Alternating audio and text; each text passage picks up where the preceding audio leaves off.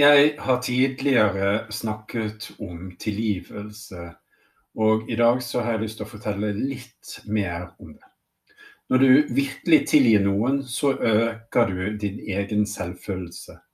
Mens uvillighet til å tilgi kan lede til bitterhet, hat og anger. En fransk filosof sa en gang alle har sine feil som de stadig vekk gjentar Verken frykt eller skam kan kurere dem. Vi har alle vært sammen med eldre mennesker som innehar en nåde og godhet, som de har fått gjennom visdommen av å leve et langt liv. Men vi har også møtt dem som fortsatt er sint og bitter, som lever uten å kunne tilgi, og som igjen og igjen holder fast på de negative historiene uten å kunne gi slipp på dem. Å bli eldre skal ikke være en forbannelse. Det bør gi deg en større dybde og et dypere perspektiv og en eksistens hvor du kan glede deg av fruktene av dine tidligere handlinger. Hvis du prøver å leve på en måte som uttrykker tilgivelse, fred og glede, da er det sannsynligvis de samme fruktene som du vil få tilbake. Hvis du bare planter ondskapsfrø i ditt livs åker, da vil fruktene rundt deg være bitre. Du vil alltid høste det du sår. Vi innehar mye større kraft enn vi tror, og vi er fullt kapabel til å forgifte miljøet vårt med vår tilstedeværelse og våre handlinger. Akkurat slik som vi på samme måte kan gi de energi. Vi bør alltid vite hva vi bringer inn i et rom eller i en forsamling. Og så er jeg helt sikker på at ekte tilgivelse ikke bare er noe man kan slå av eller på, men det er en prosess.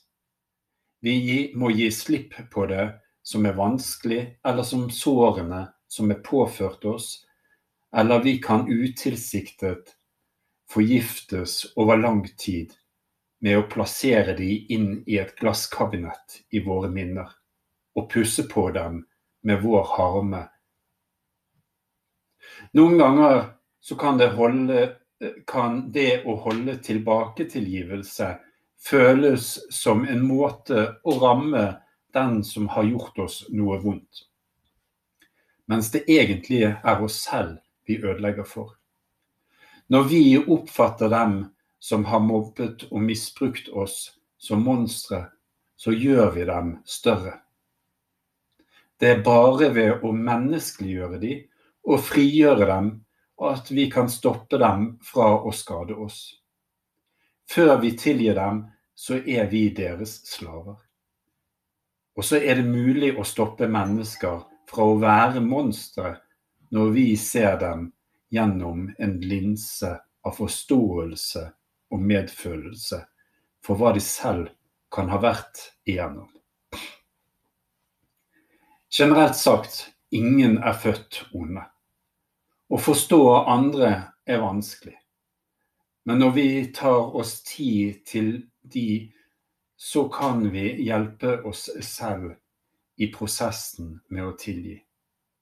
Noe som til slutt vil gjøre oss lykkeligere som mennesker. Radikal empati kalles det når du prøver å se ting fra en annens perspektiv. Å gå i deres sko og forestille deg hvordan det må føles hvis du må leve deres liv istedenfor ditt eget. Det handler om å virkelig prøve å forstå deres følelser og møte dem med aksept istedenfor fordømmelse. Dostojevskij sa det så godt ingenting er enklere enn å fordømme den som gjør vondt. Ingenting er vanskeligere enn å forstå ham. Det nordamerikanske folket cherokee forteller at vi alle inni oss har en svart ulv og en hvit ulv. Den svarte ulven finner næring i frykt, sinne, sjalusi, grådighet, arroganse og hat. mens den hvite ulven finner næring i fred, kjærlighet, håp, medfølelse og mot. Det er opp til oss hvilken av disse to ulvene vi ønsker å fòre til enhver tid. Og til dem som har gjort ondt mot oss i fortiden, må vi si, jeg anerkjenner ikke lenger den makt du har over meg. Jeg lar deg gå, og med deg går min smerte. Nå kan jeg fortsette å leve mitt liv. For tilgivelse, det er nemlig å fjerne døren til din egen fengselscelle.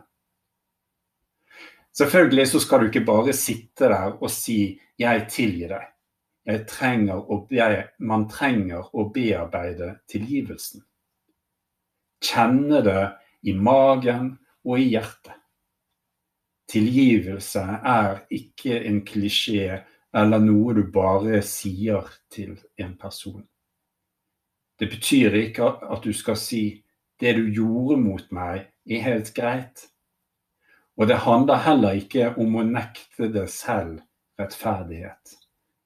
Men det handler om å anerkjenne den urettferdighet som er gjort mot deg, og velge å gå forbi og si 'jeg vil ikke hate deg'.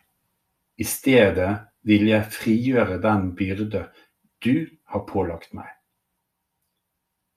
Den kristne lære eh, om tilgivelse er at du allerede har blitt tilgitt for alle de vonde ting du har gjort i livet ditt.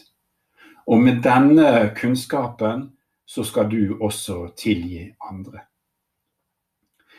Hvis du har blitt misbrukt av noen, så er det svært mye å kreve av deg, og du vil kanskje rettmessig si jeg har aldri skadet noen på den måten, hvorfor skulle jeg tilgi dem? Men før du tilgir dem, vil de tynge deg ned og fortsette å gjøre livet ditt vanskelig og hardt. Og i stedet for å tillate dem å ha kraft over deg, en kraft som fyller deg med hat og infiserer dine verdier, så bør du heller adressere dem og si til dem jeg synes synd på deg, og jeg tilgir deg. Det finnes ingen hurtigere måte å ta kraften fra et monster enn å se det i ansiktet og tilgi. Guds fred.